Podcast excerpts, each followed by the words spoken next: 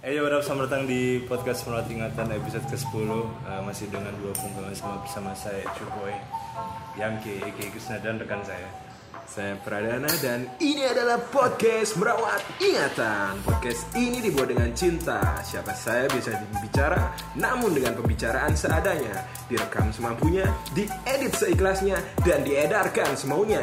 Jadi silahkan didengar dengan sukacita. Mantap Apa kabar Pak Er? Ya, agak kurang baik sih. Bagaimana ke kehidupan seminggu terakhir bagaimana Pak Er? Saya ini baru keluar dari rumah selama satu minggu ini. Oke Perasaan kemarin kita ketemu. Tadi Oh, sorry. Iya iya iya. Oh, Kenapa? Sekarang kayaknya ada orang lain gitu. Ada orang lain? Iya iya iya. iya. Kita nggak berdua lagi hari Nggak berdua lagi, sedang tidak berdua. Nah, Jadi gimana bisa kita mulai dulu dengan update. Jadi selama kemarin seminggu sebenarnya saya sedang eh, coba ngebuat ini sih, kayak apa ya, CV Porto karena mulai berpikir rasional bahwa ah, mungkin jalan freelance ini membuatku butuh uang lebih, butuh stabilitas. Dan akhirnya ya udahlah aku akan eh, coba bikin CV Porto aja buat pegangan kali ya kalau emang kehidupan freelance dan kehidupan merintis ini kurang berjalan baik. Ya. Jadi ya itu. Bikin CV Portonya kan emang konsepnya aku pingin yang apa mix media gitu. Ya, Jadi emang aku riset dulu Yang terus gambar-gambar ini bibir kemarin ya?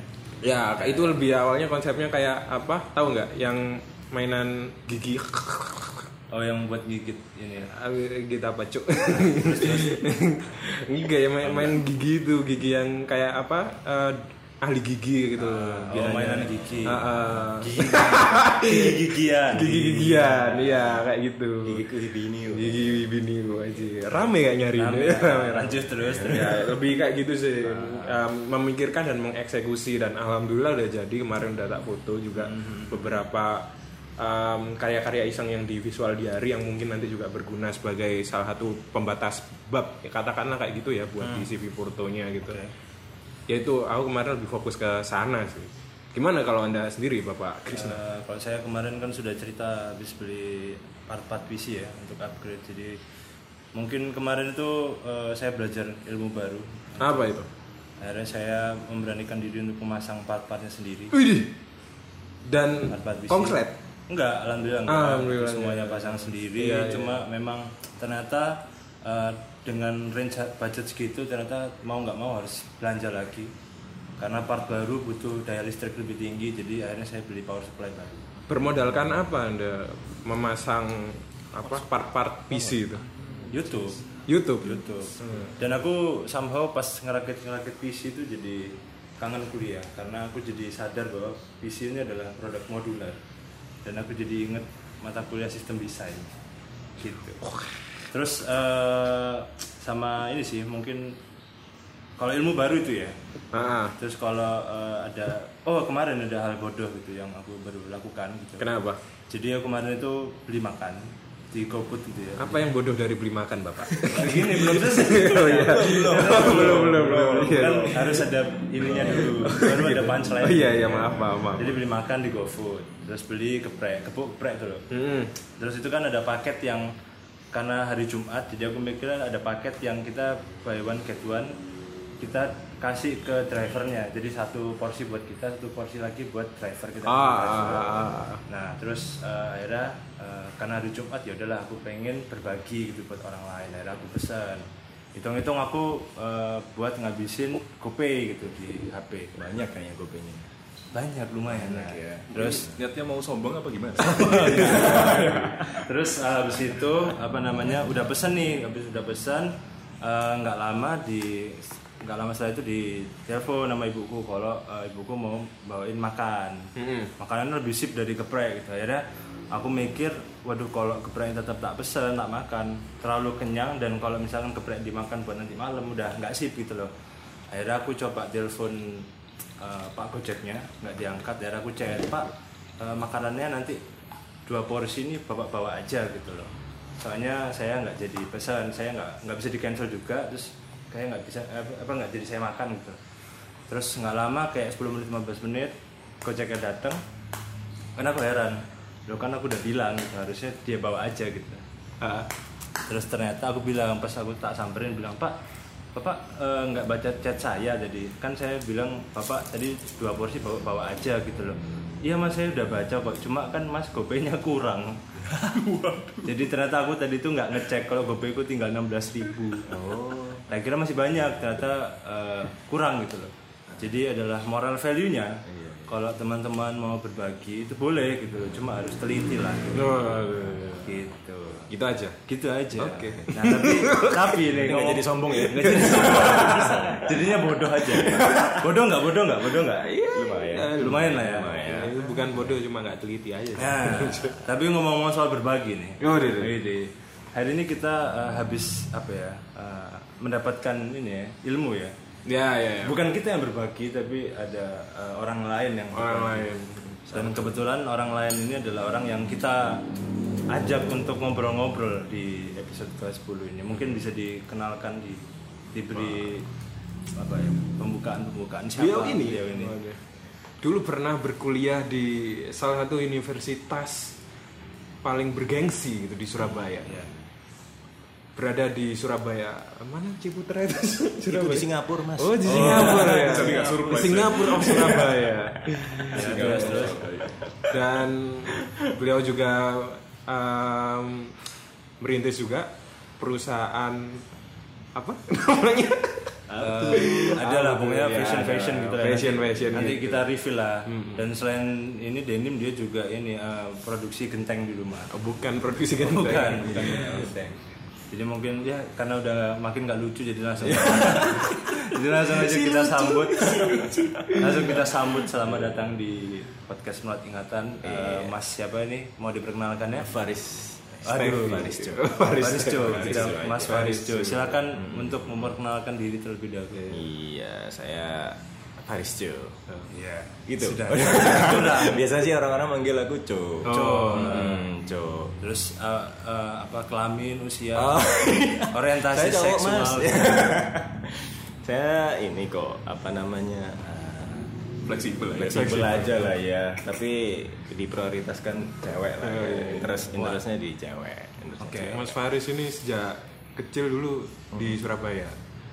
saya dilahirkan di sidoarjo Oh. tapi berdarah Sunda Oh gitu. gitu. jadi Yang keluarga dari Jawa Barat Berarti pinter ya bahasa Minang ya. Eh, bukan mas bukan Tapi bisa bisa bahasa Sunda. Eh, seetik seetik lah Saetik, saetik. seetik seetik Berarti kalau dari logat udah, udah udah nggak ada nih Sunda-Sundanya. Nggak ada. Sundanya nggak ada, soalnya udah lama di sini, udah 20 tahun. Palingan setiap setahun sekali lah, baru ke Sunda. Majalengka. Oh, Iya, Majalengka. Majalengka. Selalu nyempetin mudik berarti. Selalu sempetin mudik. Oh, Cuma keluarga pandemi ini nggak mudik. Sunda dari bapak atau Dua-duanya, Oh, tetanggaan itu. Doi, Oh, mereka iya, mereka tetanggaan. Jadi dipisahkan dari jarak apa? Eh enggak, dipisahkan kali aja. Ada kali di situ. Paling dulu kalau pacaran nyebrang dulu gitu. Naik getek. Atau lompat lompatin lompat gitu. Ada paspornya. Oh, Pakai visa berarti ya. Bisa juga. Berarti ada harus ada izin ininya lah. Ada izin usaha. Izin usaha. Bukan ya? Bukan usaha mendekati. Mendekati. Dan akhirnya sekarang berdo eh, dari 20 tahun yang lalu berdomisili di Sidoarjo. Sidoarjo. Begitu. Cuma Kenapa kok dua orang Sunda ini akhirnya memutuskan untuk ke Ke Jawa Timur gitu? ini mereka mencari eh, cuan yang lebih tinggi ya. Lebih tinggi. Mm, karena kan basicnya mereka berjualan genteng. Oke. Genteng di Majalengka kan banyak tuh produksi genteng. Mm-mm. Nah, terus pas zaman tahun 90-an itu Surabaya kan nggak begitu rame ya. Jadi masih banyak pembangunan. Jadi mereka eh, melihat peluang itu di Surabaya. Jadi mengembangkan eh, expandnya ke sini, ke Surabaya. Surabaya. Mm. Surabaya dan Sidoarjo Hmm. kayak gitu jadi ya eh, kalau di total sih mereka sih udah 30 tahunan lah ya Jadi eh, hidup Anda benar-benar harus ini ya terima kasih sama kota Surabaya nih Sidoarjo. betul. Bisa makan karena kota Surabaya Karena Surabaya, Sidoarjo. karena orang Surabaya butuh genteng. butuh genteng itu juga. Betul. Jadi eh, kalian juga harus berterima kasih ya. Atap-atap rumah kalian gitu kan dari kami. Siapa tahu Terima ya, kasih kepada Anda. Iya. Ya, ya, ya. gitu Akhirnya eh, SD, SMP di Sidoarjo, di sidoarjo SMA-nya baru di Surabaya di Surabaya. Kenapa Pak akhirnya memutuskan buat SMA di Surabaya? Eh, Kualitas karena pendidikan. Kualitas pendidikan. nggak, masuknya gampang iya masuknya gampang sebetulnya eh, ada salah satu nggak apa-apa lah ya sebut merek Oh, nggak apa kan di Alikma Oh, Alikma. sama Alikma. Alikma. Alikma. Alikma bagus. dia itu ini kok apa eh, cabangnya dari SMA 5 kan kalau disingkat sama-sama Semalang Oke, skip. Oke. favorit juga Favorit. kan favorit Oke. jadi ngikut favoritnya bedanya satunya bayar satunya enggak. Satunya enggak. Satunya ada kolam renang satunya enggak satunya nggak ada gitu. Jadi kan lebih mewah ya premium. Sekarang ada liftnya juga kan hari nggak denger sih gitu. Ada ada Alikma ada. liftnya? ada liftnya. lama nggak berkunjung Ada ya liftnya. soal soalnya ada bangunan yang SMA kalau nggak salah itu gabung sama kayak ada politeknik tak apanya gitu sekarang. Di gedung belakangnya. Jadi itu kayaknya ini deh ada universitas juga di situ. Iya ada Universitas Alikma iya. barangkali kalian mau melanjutkan S2 gitu kan. bisa di sana. berarti berarti SD SMP SMA di Surabaya? Eh enggak, SD, SMP, SD, SMP di Sidoarjo. Sidoarjo. SMA-nya sama baru Surabaya. Surabaya. Surabaya. Nah, terus kan eh, Anda ini kuliah di Ciputra. Apa apa itu sebenarnya pilihan pertama? bukan Oh, bukan. bukan juga Tak kira udah Jadi- kan memikirkan wah, Iya, iya. sekolah Saya ini sih- ada sekolah yang bagus. Eh, saya sih mungkin mikirnya simpel aja gitu ya Ini gampang masuknya aja deh gitu. Tetep ya. Tetap ya? still still awalnya dulu sih tertariknya di Petra Petra Ponggamas? Petra Sioling Petra Sioling bukan Universitas Petra cuman kan kok deket rumah ya gitu jadi effortnya tuh kurang gitu loh hmm pengen yang jauh ya yang jauh aja gitu Oke. biar ada alasan nginep lah ya iya Oke, oke, I main see, I juga see, I lebih see. panjang kan Panjang. waktunya terus gitu. juga kalau mau nongkrong kan di Surabaya Barat juga Surabaya. oke lah ya Iya. Pola pikir yang menarik. Dan soalnya memang kan Alikma kan daerah ketintang. Memang kalau diakui memang development pembangunan kalau aku melihat sih memang kafe-kafe yang hits itu baru ada tiga tahun terakhir ini gitu. Oh iya di Ketintang sekarang eh, apa ya ekosistem kafenya ini ya mulai mulai naik gitu banyak gitu kafe-kafe yang mungkin bukan niat. bukan ke kafe ya lebih Apa? ekosistem warung mungkin ya Oh iya, warung-warung. warung ala kafe gitu Warung-warung.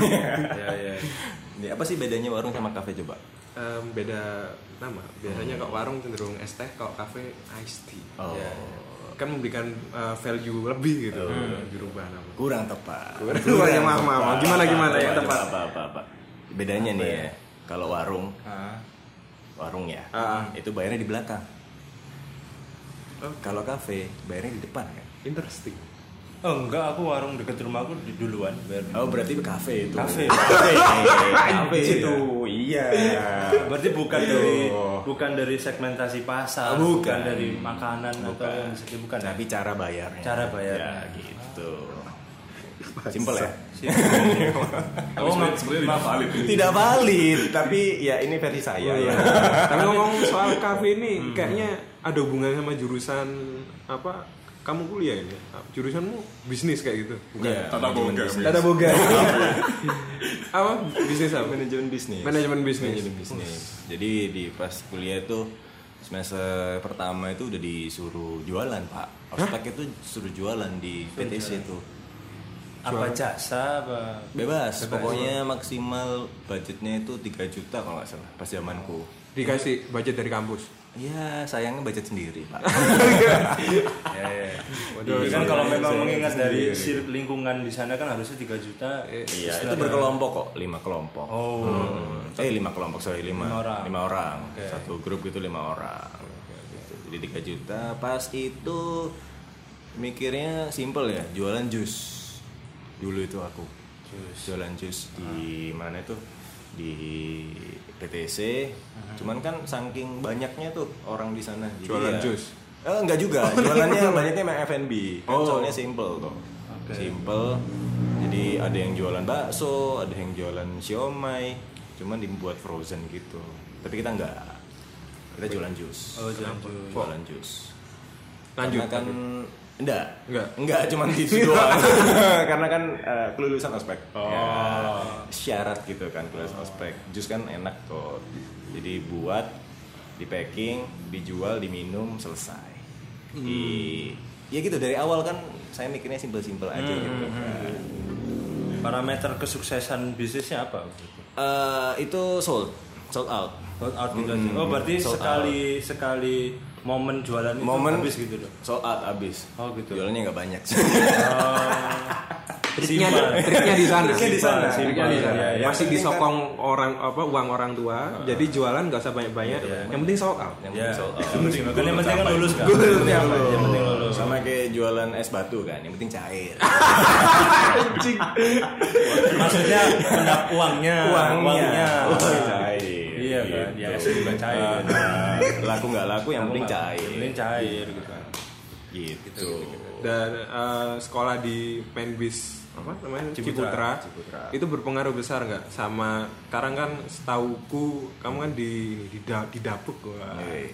buat apa ya ikut melanjutkan bisnis keluarga Oh iya, ah, ah. pengaruhnya apa emang di sana sih sebenarnya pas awal-awal kuliah juga nggak ada kepikiran mau lanjutin usaha keluarga ya. Jadi lebih ke idealis. Oh, saya punya pemikiran sendiri. Oh. apa yang buat jadi akhirnya ya udahlah rasional kehidupan beban hidup yang semakin ya mungkin mungkin mungkin bukan beban ya tapi gaya hidup ya karena beda kan antara need dan want kalau di dijelasin lagi mungkin nanti ada segmen kamu mau jualan yang customer need atau customer want Gitu. customer apa? Customer want oh customer one ya. Customer want atau customer need.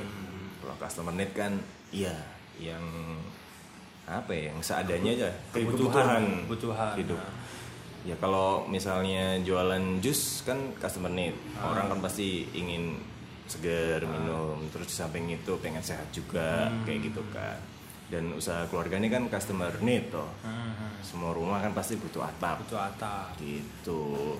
Nah pas itu mungkin ya karena anak muda ya saya lebih cenderung ke kayaknya bisnis fashion asik nih. Gitu Yang Terus idealis. selain itu kan teman-temannya juga kayak asik-asik nih iya anak fashion kan gitu asik terus habis itu eh, saya dulu tuh suka ini denim ini oh sekarang udah nggak suka nggak suka kan dulu Ah, mantan ya. Nggak, sampai sekarang Oh, masih. oke, iya. suka. Denim kan ibarat kayak uh, diary kosong gitu loh. Jadi bisa kamu isi uh, sepenuh mungkin dan uh, re- apa ya representatif dari hidupmu gitu loh. Hmm. Bisa kamu tuangkan ke denim. Begitupun diary. Eh kebalik ya? sama, sama aja ya, sama aja ya, sama aja kayak gitu. Dan akhirnya dulu ya udah ya semester 3 itu eh semester 2 mulai bikin proposal bisnis. Soalnya kan buat buat bisnisnya itu diterima sama dosen, itu kan kamu disuruh bikin proposal dulu. oh, berarti Meyakinkan. buat tugas juga ini? Heeh, itu buat tugas lu juga. di eh, bikin proposal bisnis terus awalnya sih nggak disetujui. Soalnya apaan? Eh, kok bikin denim yang malah nggak dicuci? Jadi tingkat eh, kejorokannya kejorokannya itu loh iya. Karena dulu memang inspirasinya dari nudie jeans Hmm. nudie jeans kan dia kampanyenya kan enam bulan nggak dicuci tuh Nah, kami itu ada berapa ya? Berempat. Jadi harus emang harus berkelompok. Itu sama-sama suka jeans. Akhirnya mau nggak mau, ini harus nih proposal harus harus lolos di dosen penguji. Jadi semester 2 tuh udah disuruh emang presentasi soal bisnisnya. Untuk kepentingan apa tugas Tugas, semua tugas. Dan harapannya sih bisnis itu emang harus berjalan sampai kamu lulus juga gitu loh. Jadi bisa diterusin. itu pengaruh ke nilai juga apa Ya pengaruh juga ke nilai. juga? Jadi memang dulu eh, pas zaman saya ya itu rata-rata memang tugasnya itu diambil dari jawaban-jawaban yang kamu udah pernah melakukan bisnis tersebut. Hmm, Teorinya tuh ya cuman 20-30% lah. Sisanya itu semua eh, soal tentang bagaimana kamu menjalani bisnis. Jadi hitung-hitungan pun itu ada yang dikaitkan dengan bisnismu. Oh, tapi tapi itu bukan kayak apa ya? Kayak misalkan eh, ada ada trackingnya gitu enggak lah ya? Ada, Ada tracking. Jadi kita setiap minggu gitu selalu harus report. Oh. Jadi minggu ini berapa, laku berapa, terus misalnya kalau ikut bazar ya dilaporin ikut bazar. Habis itu apa ya? Semuanya deh pokoknya tentang bisnis. Sampai kalau misalnya ada kesusahan, dosennya pun bantu. Kamu modal sendiri semua itu. Iya, semua modal sendiri. Cuman cuman pas semester 5 memang ditawarin kalau kamu memang bisnisnya oke, bisa diajukan ke inkubator. Oh, Nah, jadi jadi bisa dibantu. Bantu bayi-bayi gitu. Bukan. bukan inkubator yang itu. Jadi bisa dibantu soal permodalan Dibantu kalau baby boss. kamu mau expand bisnismu gitu. Tapi banyak nggak dosen-dosen? Eh, karena aku nyoba baca cermin di ini ya di jurusanku ya, yang mana harusnya kalau di jurusanku eh, aku persepsinya apalagi jurusan desain harusnya juga seimbang gitu loh, yang mana dosen apa namanya em, teori. Oke. Sih? Ya, Praktek sama dosen praktisi gitu. Akademisi sama praktisi harusnya seimbang itu sebenarnya karena kan kita juga uh, mau nggak mau harus up to date sama dunia luar karena desain kan. Terus juga paham bahwa kamu tuh paham teorinya nggak apa-apa tapi balik lagi kok kamu di masyarakat tuh nggak semua teori ini bisa kamu isawantahkan mentah-mentah gitu kayak gitu gitunya kalau di bisnis kan aku nangkapnya harusnya kurang lebih sama tuh Iya. karena bisnis kan ya balik lagi ke sosial gitu kan Mhm. Em, apa- banyak nggak dosen yang praktisi di sana Mostly kalau di kampusku sih dulu memang praktisi mereka. Jadi di samping mereka uh, dosen, mereka juga ada kegiatan di luar. Jadi ya ada yang main saham lah, ada yang mereka jualan something apa gitu.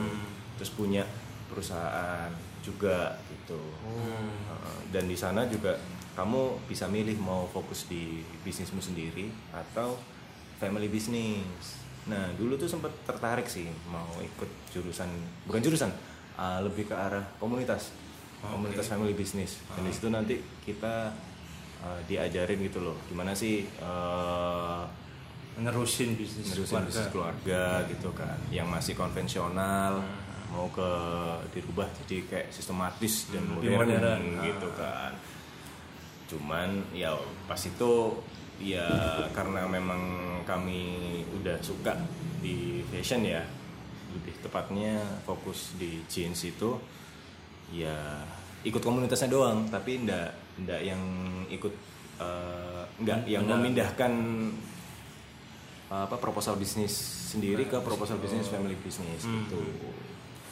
Ya mm, apa sebaiknya sih gitu ya menurutku. Ini mungkin agak melenceng dikit Iya. Jadi kita kembali lagi ke jeans ya. Mhm. jadi aku tuh ingat gitu loh kalau kalau kayaknya memang tergantung ke concern institusinya kan. Mungkin kalau kayak Ciputra kan memang dia concernnya ke bisnis gitu. Dan kalau alma mater kita gitu kan itu kan memang concernnya ke teknik gitu kan.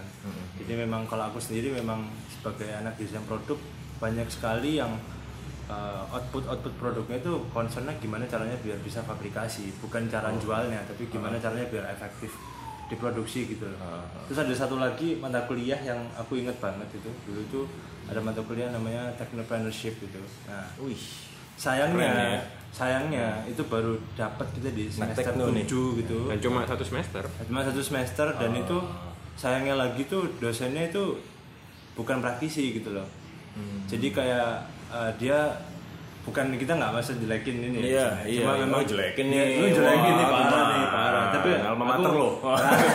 nggak apa-apa udah lulus aku ngerasa memang pas jelasin kayak bisnis model kanvas aja dia nggak sepenuhnya paham gitu terus Hmm. yang aku uh, lebih uh, kaget lagi itu kita kan disuruh bikin kayak tugas akhirnya gitulah Hmm. nah waktu itu aku tuh kelompokku tuh bikin kayak semacam storage system yang modular gitu jadi apa ya apa kayak- tuh kak modular kak? Yang modular itu kayak ada modul-modul. Jadi kayak bisa apa uh, storage yang bisa expand gitu loh. Di lebih, lebih lebih besar lebih besar sesuai kebutuhan gitu loh. Iya iya iya. dan itu sebenarnya eh, itu niru plug gitu loh dari Pinterest gitu loh. Cuma kita bentuk ubahnya sedikit gitu loh. Dan itu inovatif banget amati tiru dan plak ngono Iya. ya. mungkin karena dan mungkin karena aku eh, eh, ibaratnya kan dosennya eh, mungkin referensinya kurang atau apa jadi dia sangat mem- mem- mem- mem- memuji-muji sekali wah ini keren sekali Berarti keren anda sekali. membodohi dosen. mungkin ya mungkin ya gitu. tapi ya itu sih aku kayak wah padahal aku kayak ini biasa banget tuh menurutku gitu loh buat apalagi anak desain produk ini sebenarnya simple banget gitu loh dan ini juga proses produksinya kita gampang gitu jadi mungkin ya kalau mengingat memang dari pengalaman kuliah anda ini kan Iya. memang institusinya concernnya ke bisnis ya jadi bisnis memang bener. Jadi dari dosen-dosennya pun eh, misalnya kan akhirnya pada akhirnya kan kita bikin bisnis fashion toh. Nah, fas- eh, dosen fasilitatornya itu dari dari ini dari DKV. Dari fashion fashion Ciputra. fashion desainnya Ciputra.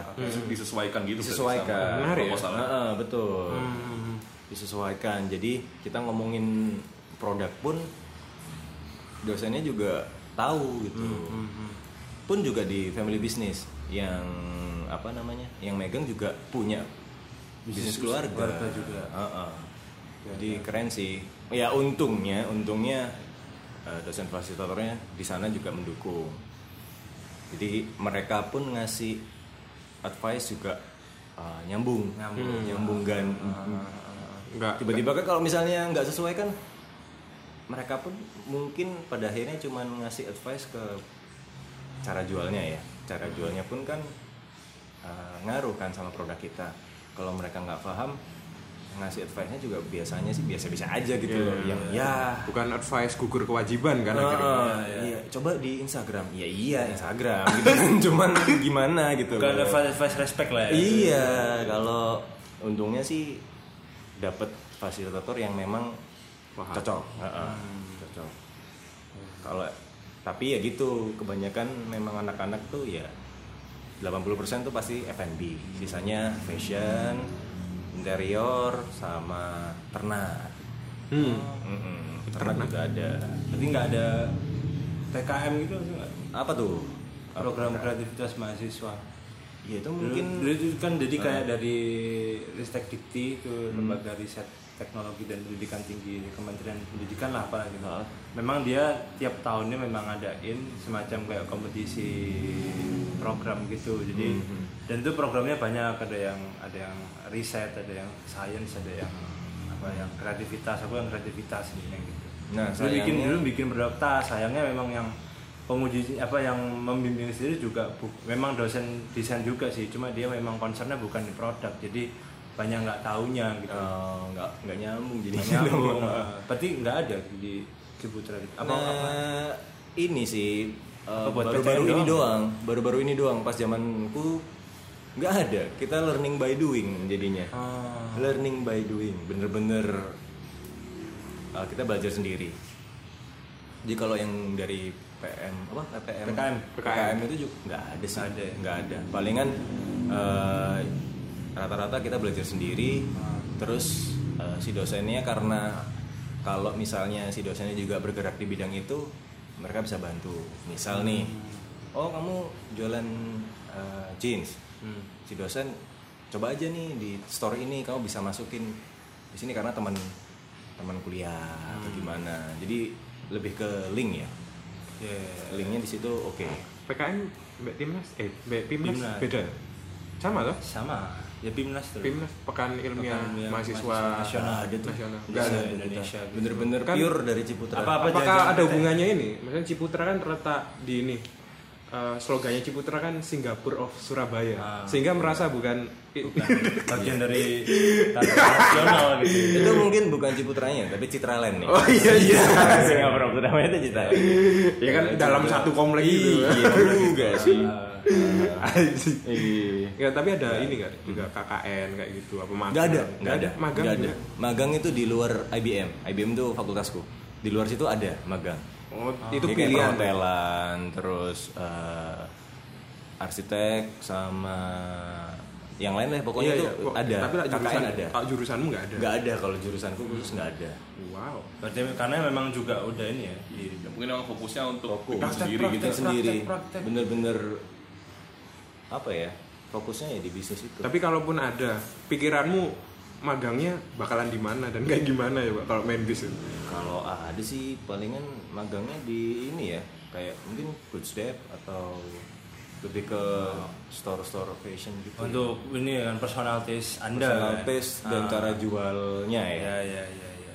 karena kalau jual kan itu banyak variabel kan misalnya kamu mau jualnya murah atau yang medium atau yang high fashion gitu gimana itu lebih lebih ke sana sih palingan kalau misalnya ada ada magang pun milihnya ya ya store store ini apa namanya eh, store baju baju juga tapi yang sesuai dengan ini ya targetnya kita gitu target jualannya kita gitu Nah kembali ke ini nih denim. denim. denim ya Tadi itu kita belum menyinggung soal brandnya nih.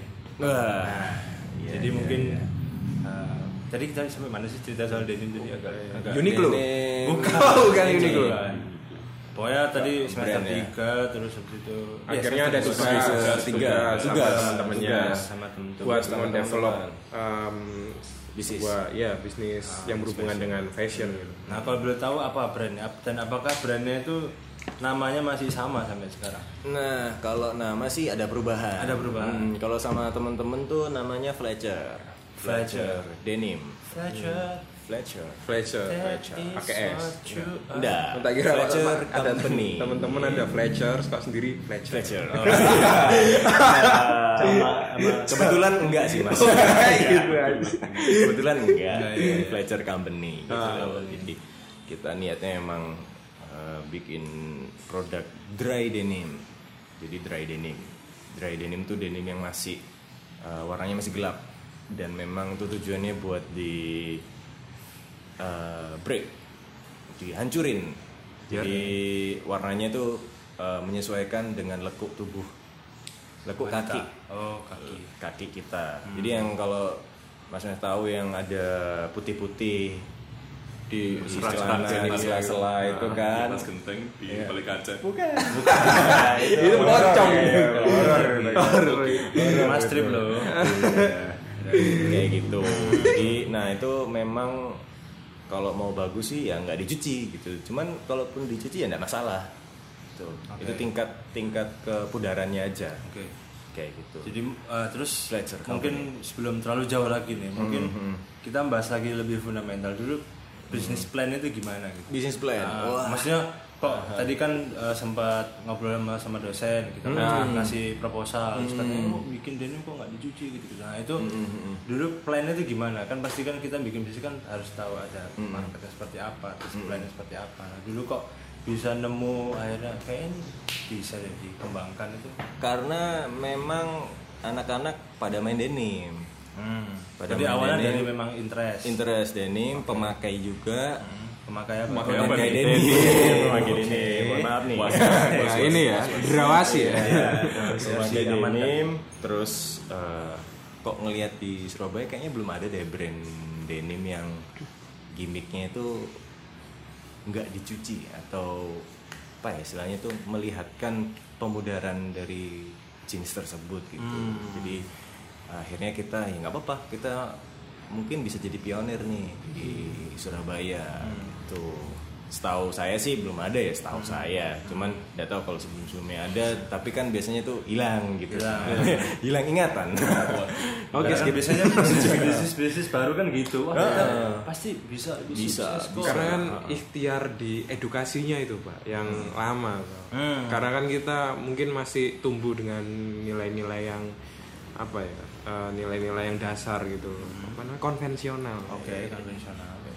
Ya itu, jadi kan kalau itu kan istilahnya kayak pembaruan dan pembaruan kan perlu edukasi. Dan edukasi kan nggak bisa sebulan dua bulan harus lama. Dan gimana lama buat bisnisnya tetap berdiri kan harus tetap ada pemasukan biar dapur ngebul. Oh, Ya, gimana muternya itu mungkin.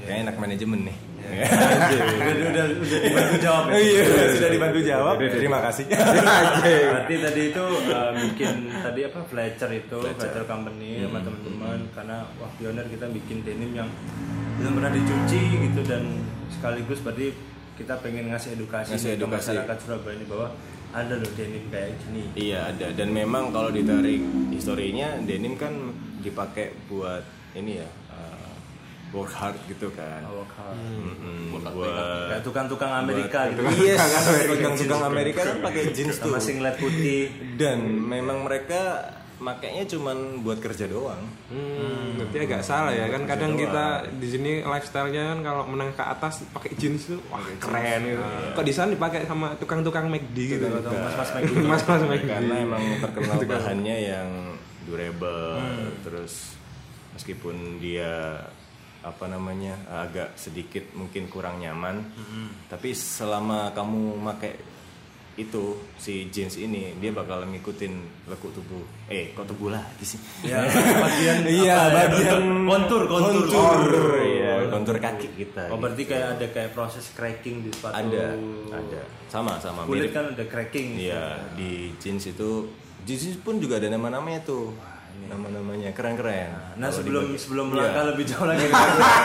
Iya, mohon maaf, mohon maaf. Faris Cu ini memang kalau sudah ngomong ini semangat ya. Khatam lah ya. Jadi kita arahkan dulu ya. Jadi Anjing. kan tadi udah bahas soal Iya, iya. bisnis plan dan lain-lain. Nah itu uh, produk apa aja gitu dulu yang dijual. Dulu- Karena sorry, karena setauku kan denim itu kan bukan apa ya bentuk olahan produknya kan, tapi kan lebih Iya, ke- kain kan? lebih ke Kain. materialnya kan. Mm, Nah, mm, itu apa aja? ya? Dulu tuh cuman eh, celana jeans doang, tiga artikel. tiga artikel. Tiga artikel. Jadi kita nyebutinnya satu artikel itu eh, modelnya slim fit Oh. dengan bahan eh, medium weight gitu. Jadi nggak terlalu tebal. Terus yang kedua itu eh, ini yang heavyweight. Jadi si celana jeansnya itu tebel, tebel dan dia tuh apa ya? eh, kalau misalnya orang yang suka bener-bener denim head itu biasanya milihnya yang itu. Buat berkuda. Buat gitu. berkuda, Cowboy, cowboy gitu. Terus yang ketiga chinos. Oh Cina. Chinos. Chinos Jadi cuman celana doang. Oh, celana Fokus aja. di celana aja. Fokus di celana aja. Oh, oke. Itu selama selama kita jualan tuh cuman celana doang, udah. Tiga tiga artikel itu doang. Dan akhirnya berkembang sampai sekarang jadi uh, produknya punya apa aja? Macam-macam. Kalau sekarang cuman sebelum itu kan pas zaman kita kuliah itu cuman Jeans, ya udah jeans doang, celana doang. Celana doang. Jadi palingan eh, teksturnya yang berubah. Jadi setiap setahun sekali kita ngeluarin artikel baru. Gitu. Sampai kita lulus ya fokusnya cuman di celana doang. Jeans. Heeh. Karena eh, pada waktu itu vendor kita cuman apa ya bisa bikinnya di celana yang optimal ya Hmm. yang optimal di celana doang sempat sih bikin jaket jeans cuman eh, sampel pas itu masih sampel Pilot. Mm-mm. Sampel karena jualan celana lebih cepet sih. Orang Lebih- kan banyak yang bosen tuh. Palingan enam bulan. Enam bulan setiap enam bulan tuh pasti ada keinginan untuk beli jeans baru. Hmm. Kita sebelumnya tuh riset sih kayak bikin Risetnya apa tapi keempat orang ini kan. Berapa kali? sekali Bajingan. Tapi jualnya di keluar. Di rata-rata ya. Oh enam enam. Enam, enam. udahlah ambil enam aja dah gitu Bajingan. gitu Terus berarti tadi ada light yang light jean, eh light denim, hard denim sama yang Chinos. tadi. Nah tapi kalau chinos kan setahu gue kan model celana kan. iya Berarti yang oh berarti celana semua ya? Celana Nah, semua. light. Nah terus uh, aku baru tahu juga nih waktu sebelum kita ngobrol-ngobrol di kapan tuh Jengki, Jengki, Oh, iya, iya. Jengki kalau sponsor kita. Jengki, iya, iya. Jadi di uh, ternyata aku baru tahu jeans itu itu tuh bukan ini ya, bukan ternyata tuh kayak tipe celana ya. Iya. yang katanya ada apa lima saku Five pocket. Five pocket. five pocket ya Jadi Pocket. sebelum dinamakan jeans, bahannya itu namanya denim. Denim. Mm-mm. Jadi itu masih ber- ber- berbentuk bahan aja gitu, lembaran. Tapi kalau udah jadi celana yang five pocket, nah itu dinamakan jeans. Kalau kurang dari five pocket, ya celana, trouser. berarti Trouser. berarti kalau orang nyebut jaket jeans itu salah berarti ya? kan Jaket. ininya nggak sampai Nah. bahkan enam kan kan satu dua tiga empat Nah, jaket jeans itu beda lagi. Jaket jeans itu eh, ada tiga tipe. Type 1, Type 2, sama Type 3. Itu dilihat dari pocketnya. Oke. Kalau Type 1 itu pocketnya satu di kiri biasanya. Oke. Type Type 2 itu eh, kiri sama kanan. Kiri sama kanan. Jadi Type 2 kan. Hmm. Terus Type 3 itu ada flipnya, kanan kiri tapi ada flipnya. Oh, Soketnya ada juga sih flipnya. detail yang garis itu Ya, Lipatan detail gitu. garisnya itu sesuai selera, cuman mostly emang kalau jaket jeans yang vintage vintage itu Oh. pasti ada apa ya kayak ada garis. oh berarti itu tengah. bukan termasuk dalam type 1 type 2 itu berarti Iya, enggak. Oh, type one type two one, itu type berarti ya kayak kemeja biasa gitu ya nggak ada hmm, flipnya ya Kayak gitu. Oke. Kayak gitu. Tapi kalau Jadi kalau tadi dinamakan Ah. jaket jeans ya enggak salah juga.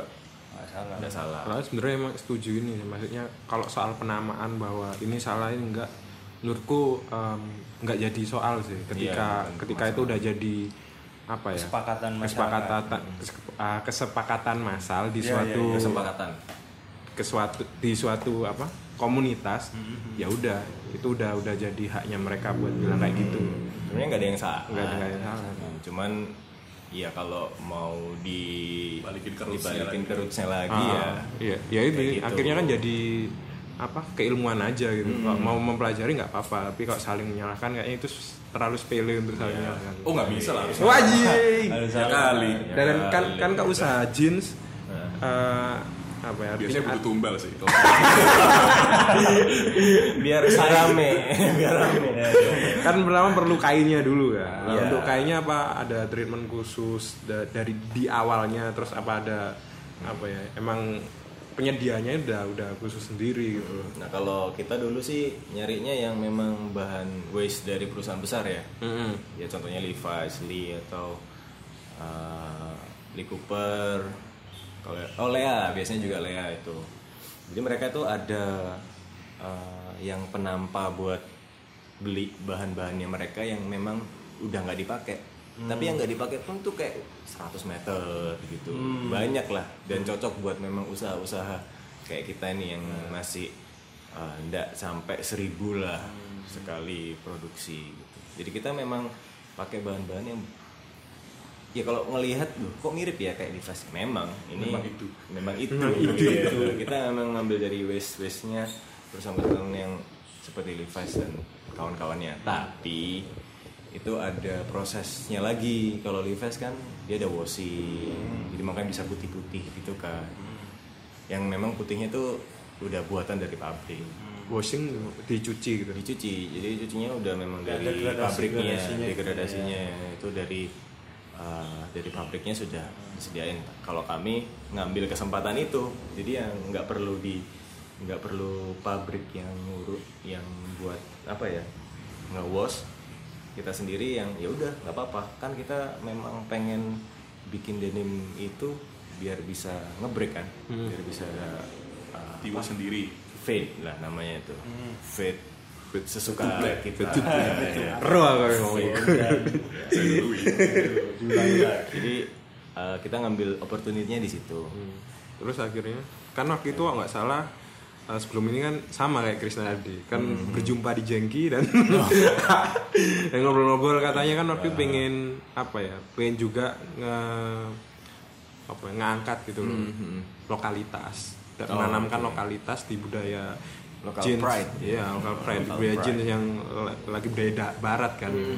Nah, itu pengen mengawinkan hal itu. Nah, itu uh, gimana kok akhirnya sampai ke hal itu dan menemukan apa ya, penyedia gitu. Iya. Si Ini. tukang tenun inilah. oh iya itu jadi ceritanya bener-bener ini ya kita uh, ke pergantian nama brand tadi uh, enggak jadi pas itu udah pernah kita memang mikir kan gimana sih kita bisa uh, ngasih sesuatu atau budaya Indonesia itu di jeans itu karena kan memang terkenal dengan western banget tuh Dia jeans itu budaya budaya barat ya. Budaya bukan barat. lelaki buaya barat darat Cukup lucu, cukup lucu ya. Cukup lucu. Kurang nih. Kurang, kurang, Kurang kurang. nih. Next. jadi kita cari-cari penenun. Hmm. penenun. Karena mikirnya kan tenun kan terkenal banget tuh Indonesia Iya, ya iya, kan? iya. sampai ekspor Lokal tenun batik itu kan terkenal.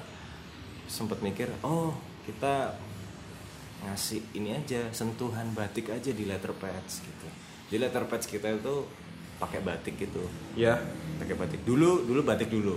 Jadi eh, bahannya memang masih kita pakai mesin dari waste pabrik-pabrik itu terus letter padsnya itu batik pads kan itu yang nempel letter pads di yang ini nempel ya, kayak biasanya gini. ada kulit tuh Ini toh? iya di atas Belakang pocket ya itu tapi di sini biasanya di waist bagian lingkar lingkar Kenapa pinggul pantatnya harus ditampilkan gitu anjing? di lingkar pinggul tuh kan ada letter Oh. nah di situ tuh dikasih batik Iya, iya. Di situ lambat laun kita tahu dari si tukang batiknya ini di Pekalongan. Hmm. Coba Mas sampean weh, Iya, Jawa iya. gitu Iya, kan. iya, iya. Sampean coba Mas di Pekalongan ada yang bisa bikin eh, tenun tapi dari ini heavy cotton gitu.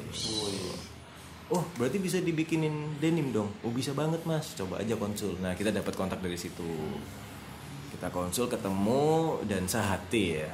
Dia juga memang lagi eksperimen buat tugas kampusnya juga. Nah, Oh, masih jadi itu family juga? business, family business uh, sarung. Cuman salah satu mesinnya itu dipakai buat eksperimen si anaknya ini. Oh, Oke. Seru sih pas itu. Kita akhirnya ya udah Mas, coba bikin 100 meter. Berarti itu pas sama-sama lagi kuliah juga. Iya, betul, sama-sama lagi kuliah. Semester berapa kalau boleh tahu? Ah, kita kebayang dia timeline-nya. dia Udah, dia udah. TA. Enggak, Dia udah mau lulus, kita masih semester 4 nggak salah. 2000 2000 16. something lah. tahun tua lah. 2015 apa ya? 15-an lah, Ya, 2015-an. Itu kita eksperimen dan berhasil. Wih, Berhasil. Tapi untuk ke kita ngatur buat pelunturan si jeansnya ini memang kurang. Jadi memang kita em, gimmicknya itu ya ini tuh jeans dari Indonesia. Hmm. Prosesnya tuh dari tenun Tenun. Namanya tuh ATBM sini alat tenun bukan main. Eh bukan. Bukan mesin.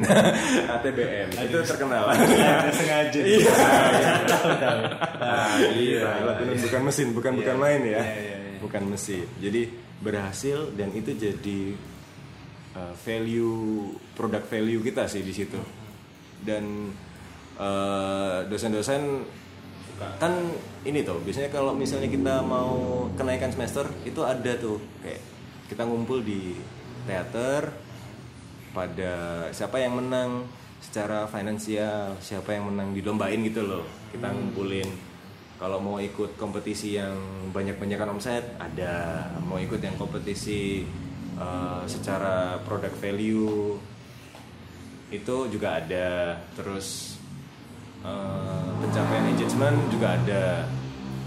Jadi dilihat dari Instagramnya like-nya berapa main berapa itu ada. Dan kita itu menang di engagement itu. Engagement dan product value.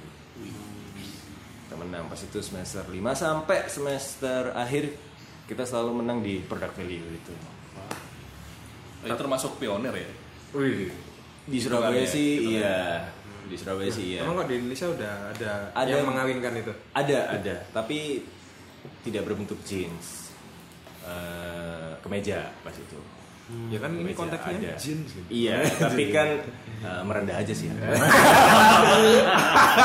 Tahi. kan merendah untuk meroket, Bapak. Bangsat. Terus kalau yang di kompetisi engagement tadi itu apakah masih dengan brand Fletcher? Masih, masih Fletcher, masih Nah, Fletcher. terus kapan akhirnya berganti ke bubar itu nggak bubar juga ya, masih masih ada ada pengen Melanjutkan. melanjutkan itu. Tapi teman-teman pas itu memang fokus mostly di Bali kan mereka. Jadi nggak bisa liburan atau Memang orang Bali. Oh, memang orang, orang Bali. Bali. Oh, bukan liburan. Iya, orang Bali dan orang Jember. dari label yang Surabaya ada cuman memang nggak pengen melanjutkan bisnis sendiri pengennya eh, ya biasa mau nyoba-nyoba dulu di, di perusahaan gitu jadi waduh kalau misalnya aku ngelanjutin dengan nama ini nggak enak juga sama anak-anak gitu kan Iya. ya udah akhirnya pas lulus aku ganti namanya jadi Pargata Pargata. Apa makna di balik Pargata? Pargata kalau eh kita belum ngomongin Fletcher loh itu apa Oh iya, Fletcher apa? Iya. Kan udah gak ada. Oke skip. yang lalu biar berlalu gitu ya. Emang apa belajar belajar belajar. Fletcher itu kepikirannya itu ini aja apa pemainnya Inggris tuh kan Fletcher Oh, dari Fletcher. Simpel itu anjing. Enggak juga. Kalau gitu gak ditanya. Cuman MU. MU Fletcher. karena ada yang suka MU jadi pengen Fletcher enggak, oh. enggak enggak enggak enggak enggak bercanda bercanda aduh jadi Fletcher sayang ya sayang ya sayang cuma bercanda Kita udah percaya. Udah percaya. Udah percaya. Udah tak lulusin Enggak, pengen yang lebih keren aja ini penjelasannya oh, iya, iya. jadi Fletcher itu adalah penempa panah Oh, Fletcher. penempa panah. Jadi harapannya itu kita menempa sesuatu dan bisa suka langsung ke konsumen. Jadi medianya itu dari denim itu. Jadi diabaratkan dengan panah itu, panah asmara. Waduh. Ya boleh lah boleh. Tuh. Berarti Jadi anda kita namakan bisnis ini untuk mencari wanita sebenarnya. bisa juga, Bisa, bisa, bisa. juga. Itu cuma berapa persen dong. Iya. 80 lah Ya, ya. 80 lah. Simple lah. Kita ngomong persen-persenan 80 lah. 20-nya bisnis, 80-nya cari cewek. Iya. Terus akhirnya ganti ke Pargata. Ganti Pargata yang lebih Indonesia banget. Jadi Pargata itu dari bahasa Jawa kuno. Namanya tuh kalau di sebut itu Pargoto. Oh, Pargata. Cari di itu Google itu? pelindung. Cari di Google nggak? Cari di Google. Mbak Google. Google Pargoto. Pargoto. Pargoto itu pelindung. Oh, pelindung. Pelindung. Jadi kan pakai Pargata ya sebagai pelindung gitu. Apalagi yang dipakai heavy cotton juga. Heavy cotton. Tebal. Jadi tebal. Melindungi Gitu. Bulletproof gitu kan. Tahan lama nggak? Gitu. Kalau Tahan tahu. lama, Oh, tahan lama. tahan lama. Tinggal kakinya aja tahan lama bang. Sekarang eh, Target marketnya orang-orang pabrik gitu ya berarti. Eh, enggak. Eh, iya, pabrik juga. Cuman kalau buat corporate kayaknya pabrik lebih ke cotton-cotton yang bukan jeans ya. Cotton-cotton yang apa? eh, lebih ke bahan-bahan kain yang biasa tapi tebal. Kalau jeans kan beda. Kalau kalau yang pakai jeans itu rata-rata kalau memang pekerja ya. Kalau pekerja ya dia suka denim. Yang kedua dia dipakai buat Nambang. kerja tambang. Eh, ada tuh kita beberapa kan konsumen emang kerjanya penambang. Kita tahu karena pas kita bazar ada dua tiga orang tuh yang memang kerjanya di industri seperti itu. Dan mereka memang suka pakai jeans yang tebal. Di samping buat ngebreak juga dia juga tahan lama kan.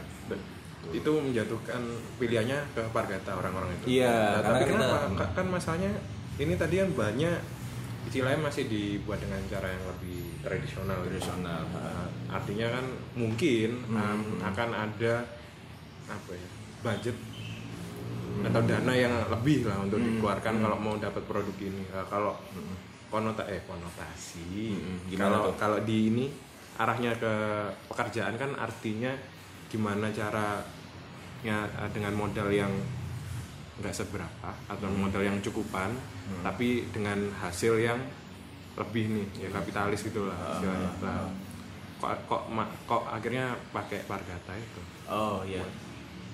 Nah kalau orang-orang yang memang mereka paham denim itu eh, brand-brand denim Jepang pun itu memang underground. Jadi br- brand-brand yang tidak seberapa Niche lah ya, niche market, niche market. niche market. Terus harganya memang tidak murah juga karena kan di atas 700.000 ribu buat yang tahu-tahu aja lah buat ya. yang tahu aja Sombong banget, gitu. terus kalau yang beli memang mereka ya karena mereka ngikutin ngikutin dari Instagram. Tapi emang buat kerja? Iya mereka dipakai buat kerja di sana. Cuman eh, dipakai individu ya bukan yang corporate. Oh iya. Eh, individu yang memang mereka suka pakai jeans dan ngikutin banget eh, jeans itu. Dan kebetulan kita emang lagi pameran di Surabaya sama di Jakarta. Rata-rata emang beberapa yang beli tuh ya mereka kerjanya kerja kasaran gitu di industri. Dan rata-rata ya kerjanya di Kalimantan gitu gitu. Dipakai. Anak-anak perkapalan juga pakai itu biasanya. Kayak gitu. Itu itu yang ini ya yang memang uh, case nya orang yang kerja, ya. Kerja. Tapi nggak nggak sedikit juga yang beli pekerja kantoran ya karena mem- memang denim head ya ngikutin ngikutin. Karena ada ininya loh ada Forum, ada forum. forumnya. Namanya itu Daraku Biru. Di Kaskus itu di awalnya di Kaskus terus dia bikin forum sendiri Daraku Biru. Di situ. mana? kita juga bisa jual di sini. Nah, awalnya itu si dosen-dosen ini itu kayak nggak percaya loh memang ada yang mau beli? gitu kan. Loh kalau yang kita kan bikin yang medium weight medium weight tuh memang buat orang- orang-orang general yang memang udah pak ya udah Ya, suka umum jeans gitu ya. umum Iya, aja iya, gitu lah iya, iya. Ya, yang market celana sehari-hari lah. sehari-hari kalau yang jeans dibuat hobi itu ada marketnya dan kita menemukan marketnya itu di Daraku Biru Oh. karena di Daraku Biru itu seperti kaskus dan kita bisa bikin thread di situ. Oh, biar jualan Ada juga thread, lokal brand. Di Surabaya yang lokal brand denim itu cuman Fletcher pas itu. Hmm. Fletcher doang. Yang lainnya Jakarta Bandung, Jakarta Bandung gitu. Terus kenapa kita bisa pameran di Jakarta? Ya karena rata-rata kita ngirim shipping kan, shippingnya Jakarta, Bandung, Jogja gitu. Jadi kita bisa memberanikan diri lah buat pameran jauh gitu langsung di Jakarta. Ini target marketnya bukan orang-orang yang dikasih denim sejuta lima ratus kaget itu enggak lah ya? Enggak, karena mereka memang sudah Udah paham ya, tahu gitu. ngerti-ngerti lah ya.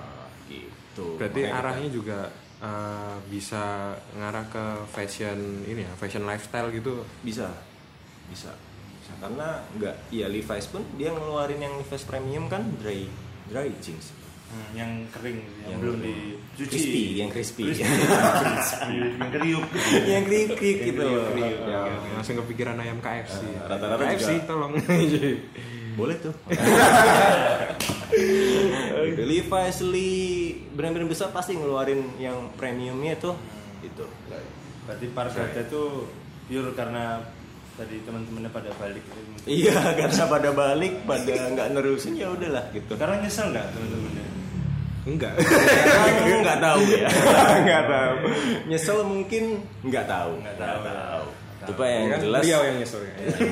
Yang jelas saya tidak pernah nyesel. Ini jawaban respect passion atau ya. jawaban memang dari dalam hati? Emang emang suka aja sih. Oh, Jadi bukan jawaban dibuat- respect lah ya? Bukan bukan. Ini memang project rekreasi lah. Ah. yang untung-untung murah dia tapi kebanyakan hadiahnya gitu. Iya. Sekarang ada ini nggak? Toko fisiknya atau kalau orang sekarang mau beli atau ngecek katalog dari uh, Pargata sendiri bisa. ada di underscore pargata Di IG. di IG underscore pargata. Di situ ada beberapa produk yang masih ready stock atau yang PO hmm. eh, yang harus dibuat dulu. Jadi palingan 10 hari lah. 10 hari baru bisa shipping. Range harganya berapa tuh? Eh, kalau dari bandana itu 180 terus eh, jeansnya itu 850 iya 850 ribu. Gitu. sampai ada yang 1,5 tapi yang 1,5 udah sold. Nah yang mahal yang sold ya. Tuh. yang cepet lakunya malah yang sold. Karena memang pasar udah nembak buat yang ngerti kita memang benar-benar niche market. Niche market. Gitu, 1,5. selain itu ya namanya juga limited limited product ya. Iya tuh kan. Aduh. Ada apa tuh situ? Iya Tadi ada iklan gempa, iklan ada iklan. ya. iklan iklan iklan. Emang Marlboro ini abunya nggak Iya. banyak. Marlboro tolong ya. kita disponsori juga nggak sih ya? Berapa katanya? Berarti kalau untuk uh, toko fisik ada belum, di Tigre. Di Tigre di, Jakarta. Jakarta. Mm-mm, di Tigre Hood. Tigre Hood punya Omes tuh. Iya. nah bisa masuk Bisa itu ya karena ini karena kita pameran di Jakarta. Jadi mereka baru buka ngelihat potensi brand yang bisa masuk nah kita ditawarin. Pameran apa tuh kalau boleh tahu kan?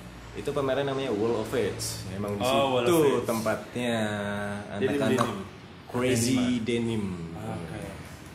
crazy denim Jakarta ya. di situ. Kita cukup uh, beruntung bisa masuk uh, tanpa adanya filter ya ya udah langsung diterima aja gitu. Berarti minimal udah- 30 juta wah ya udahlah gitu. Dan Jadi- ada link lah kita ke Omesh. boleh kan kapargatan tadi hitungannya kalau aku em, coba mencerna kan sama kayak passionate project. Yep. Eh, dan enggak ya mungkin nggak tahu ya setahu nggak banyak sih belum banyak mungkin. Atau mungkin aku yang kurang tahu. Eh, passionate project yang bener-bener bisa menghidupi si ininya si pelakunya. Sehingga kadang si pelaku harus cari juga maksudnya project lain yang emang buat bikin dapur ngebul gitu tapi tetap Oke, biar bisa iya, iya. membuat passion and projectnya itu karena sebagai ya rekreatif aja. Nah. Apa kamu termasuk yang gimana? Passion and project ini benar-benar udah bisa menghidupi kamu pribadi secara secara personal dan juga apa ya buat nabung kayak gitu? Atau ya udah ini passion project belum terlalu menghasilkan sehingga aku harus ada pemasukan dari uh, jendela lain. Toko genteng. Smooth sekali ya kita ya, Iya. Kalau misalnya buat uh, pribadi ya itu masih bisa pas dua tahun yang lalu. Karena orang tua belum ada bisikan buat uh, iya. Gimana nih kamu lanjutin yang mana gitu kan. Akhirnya Oh, tak kira ngelanjutin cewek yang mana? Oh. bukan ya. Bukan. uh, iya ini masih cari-cari sih mas Oh, iya. Oke, oke. ya gitu nah bisa langsung follow aja Anjing. Jadi penjual diri. jadi eh, akhirnya 2019 itu udah mulai berkecimpung di family business akhirnya karena mumpung masih sendiri pas itu jadi ya tidak ada apa ya eh, tanggung jawab tanggung jawab ke kan belum ada bener-bener karyawan yang pasti itu. Kita masih vendoring kan. Dan eh, Instagram foto semuanya kan aku dan teman-teman yang bikin gitu kan. Jadi nggak ada bener-bener karyawan yang diberatin. Kalau family family business kan beda ada yang udah kerja berapa tahun gitu kan. Yang kok tiba-tiba nggak dilanjutin ya kasihan dong Tiba-tiba ini siapa nih? Bocah Oh iya, masuk ke ini, bisnis? ini siapa? Coba gitu kan. Jadi 2018 2019 sampai sekarang itu udah mulai fokus di family business. Tapi tetap tetap tetap sebagai project rekreasi. Yang itu yang aku bilang eh, ya kalau stres ya mikirin ini aja deh gitu. Makanya mikirin ceweknya kurang gitu. Mungkin anda harus mencoba deh. Siapa tahu bisa. Kamu cocok ya. Kan belum pernah kan. Oh, coba aja gitu. Advice yang sangat bangsat Kan kalau membuka pikiran orang. Oh gitu. Kan saya lagi usum kan. ya bukan berarti harus mengikuti arus dong. Oh, Oke. Tapi boleh dicoba. Boleh dicoba Tapi kan kalau karena yang mengikuti arus kan cuma sampah sama ikan mati. Oh gitu ya. Orang masih ya betul Rumput-rumput itu nggak mengikuti arus ya. Yang jatuh ke kali. Sama rumput-rumput. kalau rumput-rumput mungkin bergoyang bapak ya bergoyang kalau rumput Tapi Atau saya bisa. bergoyang nggak cuma rumput mati. apa tuh ya ada lah. Ada. ya ada lah. Ada mau bilang gua ada kan tadi. Oh lo penyanyi dangdut kan bergoyang Oh, iya. gitu Iya, iya. Terus berarti Margata sendiri gimana nih untuk beberapa tahun ke depan apa goalsnya itu seperti apa? Atau mungkin Goalsnya ada project-project yang ingin di Eh, sekarang sih gitu. ini mungkin lagi ini saya sih cobain ini eh, natural dye Wah, wih wih Indigo Vera. oh iya Iya, jadi natural dye nggak cuma indigo doang sih, bisa dari kunyit, bisa dari kopi, Biji dari alpukat. biji alpukat juga bisa. mungkin, gitu. ya. Cuman untuk saat ini sih karena Pargata ada produk yang dari pewarnaan alami indigo, nah, aku tarik tuh variabelnya, aku bikin lagi project uh, bener-bener tangan tangan tanganku sendiri yang bikin gitu loh.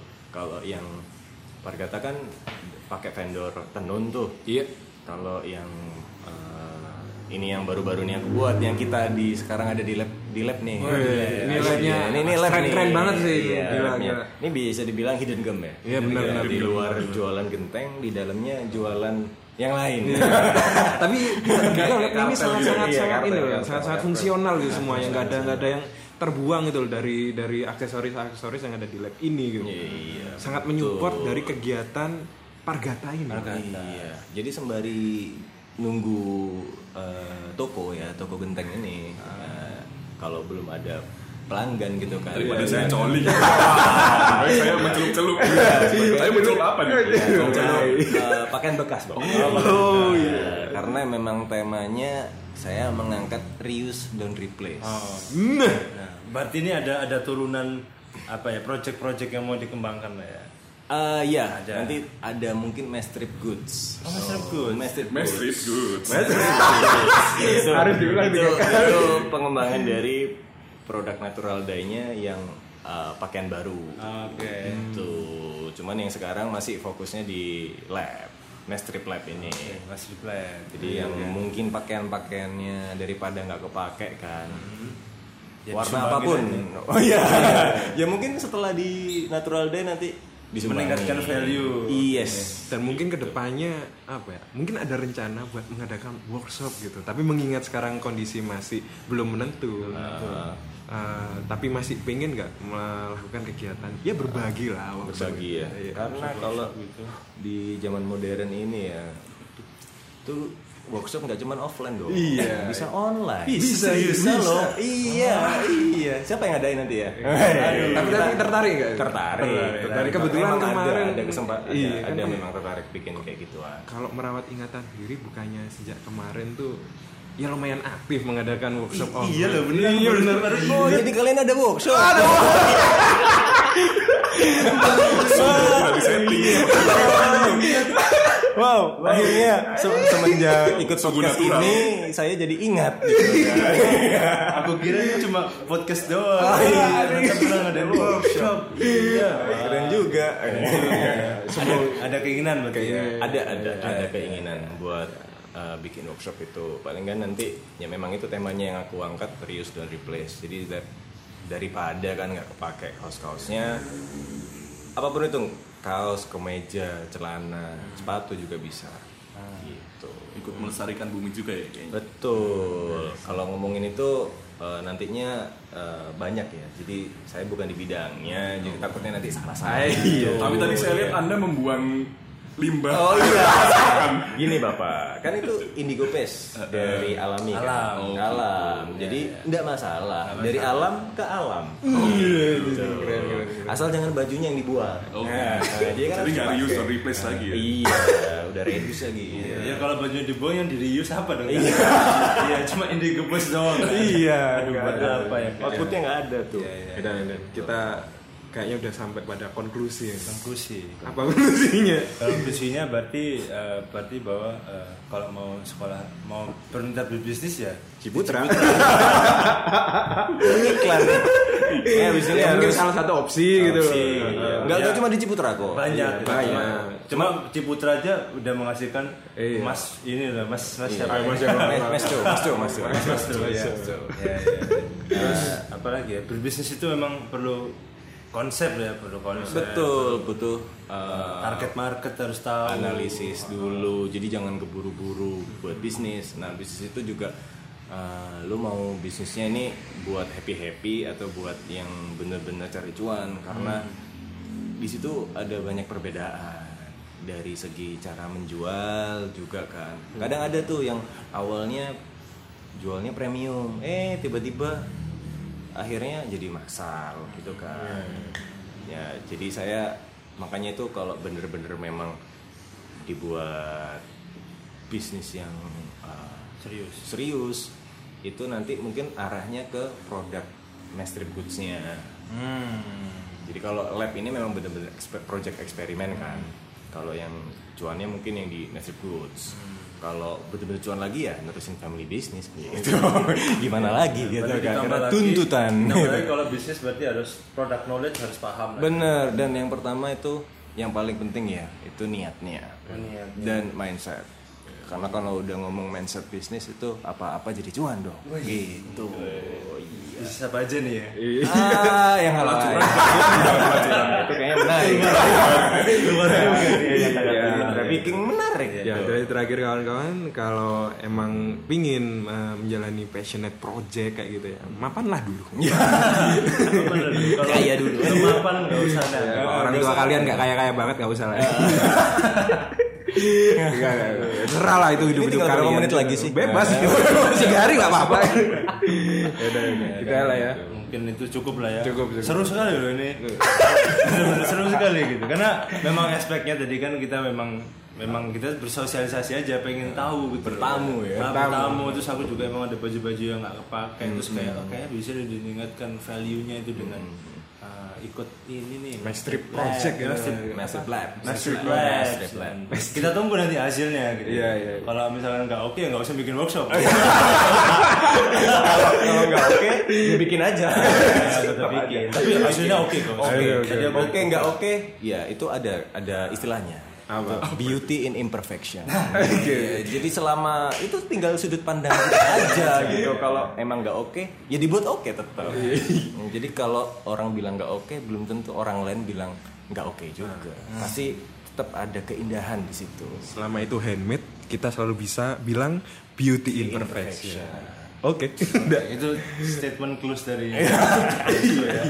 Kalau gitu langsung kita tutup. Eh, terima kasih untuk Bapak Faris Jo ini atas apa ya? Ya Apa? kunjungannya itu nikmat sekali. Dan, dan jangan lupa tadi ada apa sayup-sayup suara itu dari dari Saya penunggu rumah ini. dari Rame ada apa ya? Saya merasakan. Kalau mau lebih tahu mungkin bisa dengerin episode berapa. Oh, jangan. Oh, iya, iya. usah. Sekali itu ya. ya, beliau, beliau ya inilah salah satu uh, desainer komunikasi visual yang sangat cukup terpandang di Surabaya juga. Ya. Karena kalau tidak terpandang kan tidak kelihatan. Silakan mungkin kalau ingin tahu lebih banyak mungkin kalau Irsi di at Irsi Azaki ya. Yoi. Iya. Ya betul. Kalau Mas Pak Gata jadi ya mungkin kalau mau tanya tanya gitu. Kalau tanya-tanya di Far Isco aja. diutamakan yang cewek. Diutamakan cewek. Sama yang ngerti katanya. Iya. Ya, betul. Atau bisa add Mas Triplet. Kalau mau tanya-tanya natural indigo dye. Tahu genteng nggak ada IG-nya? Eh, langsung ke webnya aja. multiprimaroof.id. Oke. Siap. siap. Banyak ya. Emang gitu kalau orang pengen bertahan hidup ya gitu. Iya. Bagus bagus bagus. Ya udahlah, kita tutup aja. Ya tutup tutup. Tutup apa nih Mas? Aduh, udah lah, terima kasih udah tadi udah terima kasih. Ya, pokoknya terima kasih buat yang udah dengerin uh, episode 10 ini. Uh, sampai jumpa di episode selanjutnya. Bye. Bye. Love you.